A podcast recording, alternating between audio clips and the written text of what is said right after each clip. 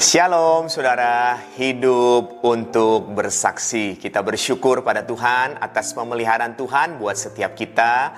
Saya Pastor Victor Abraham, senang diberi kesempatan untuk boleh juga membagikan kesaksian melalui YouTube atau media sosial ini. Dan saya percaya tujuan kita semua adalah satu, yaitu hanya nama Tuhan Yesus saja yang ditinggikan, yang dimuliakan. Saudara, saya lahir di sebuah kota kecil, namanya kota Ambon dari mulai TK di sana, SD di sana, SMP di sana, sampai SMA dan bahkan kuliah di sana. Namun tahun 99 ada kerusuhan.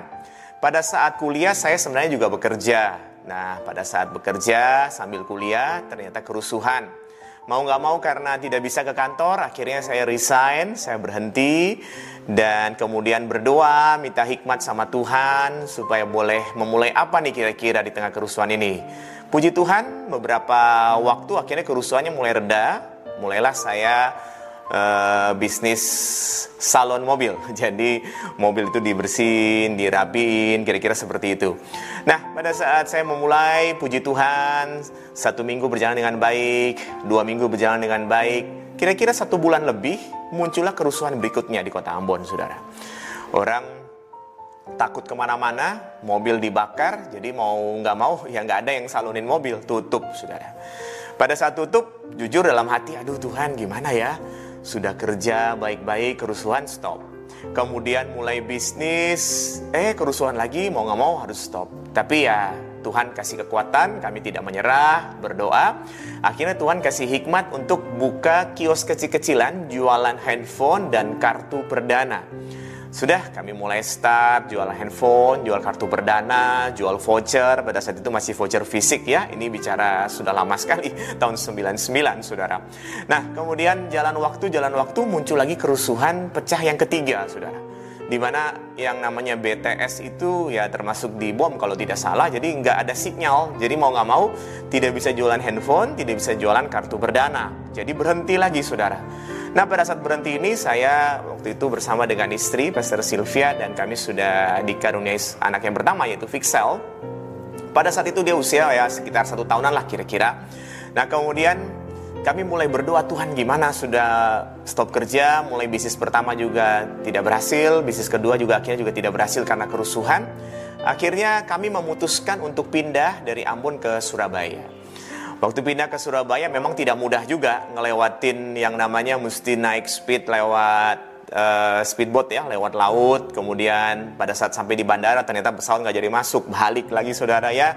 Cukup panjang lah prosesnya, saya singkat-singkat saja.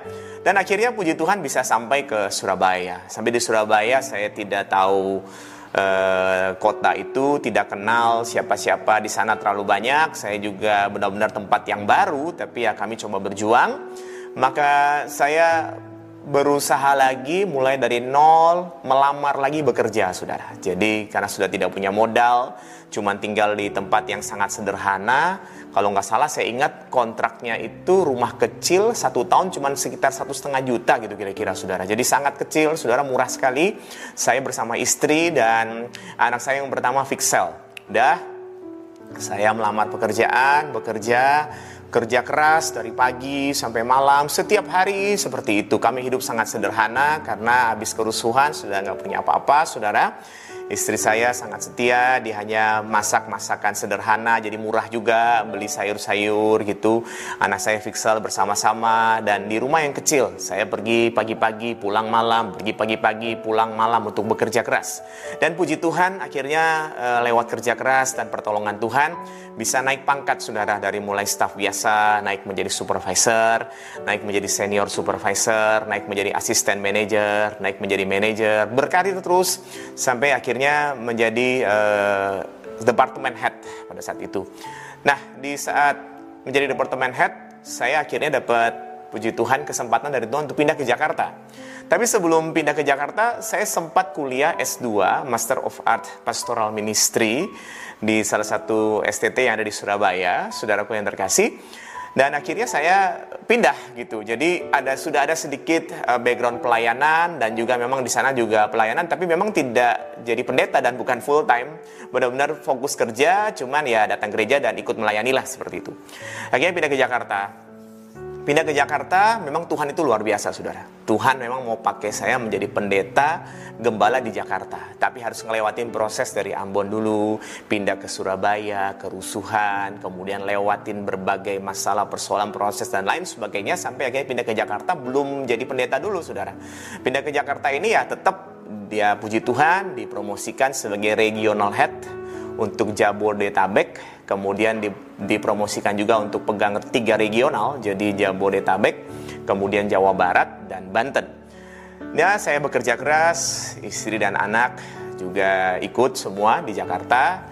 Ya, puji Tuhan, anak kami yang kedua Visya itu lahir di Surabaya ikut. Ya, puji Tuhan di Jakarta ternyata Tuhan juga karuniai anak yang ketiga yaitu Vivia. Jadi lengkap sudah anak pertama di Ambon lahirnya, kedua di Surabaya, ketiga di Jakarta. Nah, di Jakarta saya bekerja keras, ya puji Tuhan, Tuhan percayakan, kemudian uh, menjadi uh, vice president, terakhir menjadi seorang director dan saudaraku yang terkasih di dalam Tuhan, memang proses cukup panjang, Saudara. Ngelewatin kerja ternyata dari pekerjaan itu saya jadi mengenal cukup banyak orang yang ada di Jakarta. Dari pekerjaan itu saya jadi tahu jalan-jalan di Jakarta. Dari pekerjaan itu saya jadi tahu bukan hanya Jakarta tapi juga Jawa Barat, Banten karena memang kan wilayah kerja saya di daerah-daerah itu. Dan akhirnya sambil bekerja itu puji Tuhan saya melayani Tuhan dan saya percaya bukan sebuah kebetulan kok di setiap kali saya bekerja ada persekutuan doa dan Tuhan percayakan saya sebagai ketua PD di setiap tempat saya bekerja itu. Rupa-rupanya Tuhan sedang melatih saya di sana dan akhirnya kami melayani terus mengembalakan dan akhirnya 12 tahun yang lalu saya dan istri berdoa dan memang Tuhan sudah kasih tanda berulang-ulang saya tinggalkan pekerjaan. Jadi resign dari waktu itu jabatan sudah cukup tinggi, penuh dengan fasilitas, ya tentunya sudah tahu kalau direktur kan ya ada supir, sekretaris, mobil dan lain sebagainya. Dan memang tidak mudah jujur saja, tapi saya bersyukur Tuhan kasih kekuatan ya kami bisa mampu. Istri saya waktu itu punya bisnis juga kami sepakat untuk dia juga jual karena kami sepakat suami istri melayani full time dua-dua. Pada saat awal-awal melayani saudara jujur aja sulit anak-anak yang biasanya bisa jalan-jalan nggak bisa jalan-jalan. Akhirnya mobil uh, kantor dibalikin mobil pribadi terpaksa dijual juga rumah dijual. Jadi sampai nggak punya apa-apa sudah sangat sulit sekali hidupnya. Saya tidak bisa cerita cukup panjang banget tentunya ya. Tapi satu hal yang saya harus saksikan bahwa Tuhan itu kalau memilih Tuhan pasti bertanggung jawab untuk Pertama memberikan kekuatan. Itu dulu saudara. Jangan, jangan, jangan kita terlalu muluk-muluk. Wah Tuhan pilih pasti Tuhan berkati berlimpah-limpah. Belum saudara. Belum sampai taraf berkati berlimpah-limpah. Tuhan pilih. Tuhan pasti kasih kekuatan. Jadi kami ada kekuatan. Istri saya ada kekuatan. Anak-anak juga dalam penderitaan ada kekuatan. Bisa ngelewatin. Itu proses demi proses. Dan puji Tuhan akhirnya uh, bisa ngelewatin saudara. Waduh dua tahun pertama susah sekali. Amat, amat, amat, sangat, sangat, sangat susah sekali. Dua tahun berikutnya amat sangat susah. Dua tahun berikutnya lagi masih sangat susah gitu saudara. Ya cukup bertahap sampai ini udah 12 tahun. Dan puji Tuhan satu hal yang saya tidak pernah lupa adalah pil manis, pil pahit harus ditelan dalam kesetiaan pasti Tuhan buka jalan. Puji Tuhan hari-hari ini Tuhan percayakan kami untuk mengembalakan uh, gereja GSCC di Kuningan City Mall, gereja JHCC di Pantai Indah Kapuk dan gereja Sosial Media Church di Mall Arta Gading dan saya tahu bahwa semua atas anugerah Tuhan. Karena kalau sendiri berpikir tuh rasanya tidak mungkin gitu. Dan di masa-masa saat ini tentunya masa-masa di rumah aja. Saudaraku yang terkasih, oleh sebagian besar orang juga ada yang bosan, ada yang mungkin juga merasa jengkel, ada juga tidak bisa dimungkiri ya, ada yang kecewa karena kan ya bisnis tidak jalan dengan baik, kemudian juga ya jadwal-jadwal ibadah kan semua stop ya saudara. Jadi artinya jadwal saya juga jadwal khotbah juga juga kan ya pasti cancel semuanya. Dan semualah pasti semua orang punya beban saudara. Tapi saya belajar uh, tiga hal. Yang pertama saya ingat bahwa waktu Daud menghadapi Goliat yang tinggi besar. Saul meragukan Daud, Daud bilang Tuhan pernah lepaskan dia dari cakar singa dan cakar beruang, Tuhan pasti lepaskan dia dari tangan orang Filistin. Saya pegang itu, oh ya Tuhan Aku pernah melewati masa-masa sulit yang luar biasa dan Tuhan sudah menyertai aku. Maka aku percaya di masa-masa ini pun Tuhan pasti menyertai. Itu saudara satu hal yang pertama. Hal yang kedua, saya berpikir bahwa Tuhan itu sudah kasih kita kan banyak kebaikan. Bahkan uh, dikatakan dalam firman Tuhan ya, Mazmur 127 128, ya, orang dicintai tidur pun diberkati memang, tapi berbahagialah kita yang makan hasil jerih payah kita. Jadi yang kedua, saya belajar di masa-masa ini mungkin kita harus banyak berpikir nih apa yang kita harus kerjakan gitu ya. Saya bikin konten khotbah, apalagi konten value-value yang mungkin untuk jadi umum juga. Jadi bukan hanya untuk uh, khotbah saja tapi ada juga nilai-nilai yang bisa disampaikan secara umum. Dan juga banyak hal olahraga banyak hal yang dilakukan supaya uh, tidak merasa jenuh tidak merasa sedih gitu. Jadi jadi tetap produktif lah kira-kira. Dan yang ketiga saya berpikir adalah kita ini kan harus taat sama pemerintah, kita ini juga harus memikirkan banyak orang. Jadi eh, COVID-19 ini memang kita nggak bisa pungkiri bahwa banyak orang juga susah. Tapi kalau kita misalnya nggak taat, tambah lama nih masanya gitu kan. Kalau kita taat kan, maka lebih cepat. Nah kalau lebih cepat berakhir kan kita bisa kembali beraktivitas seperti biasa.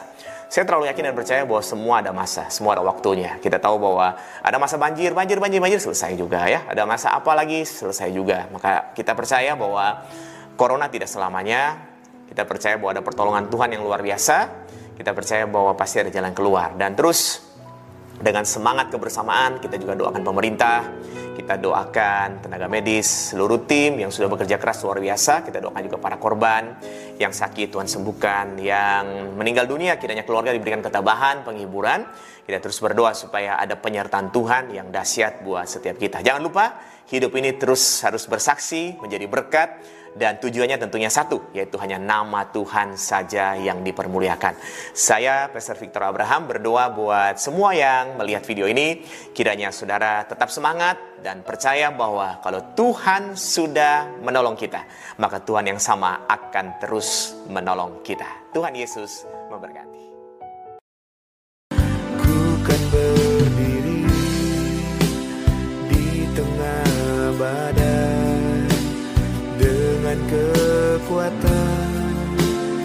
Yang kau berikan. Sampai kapan pun ku kan bertahan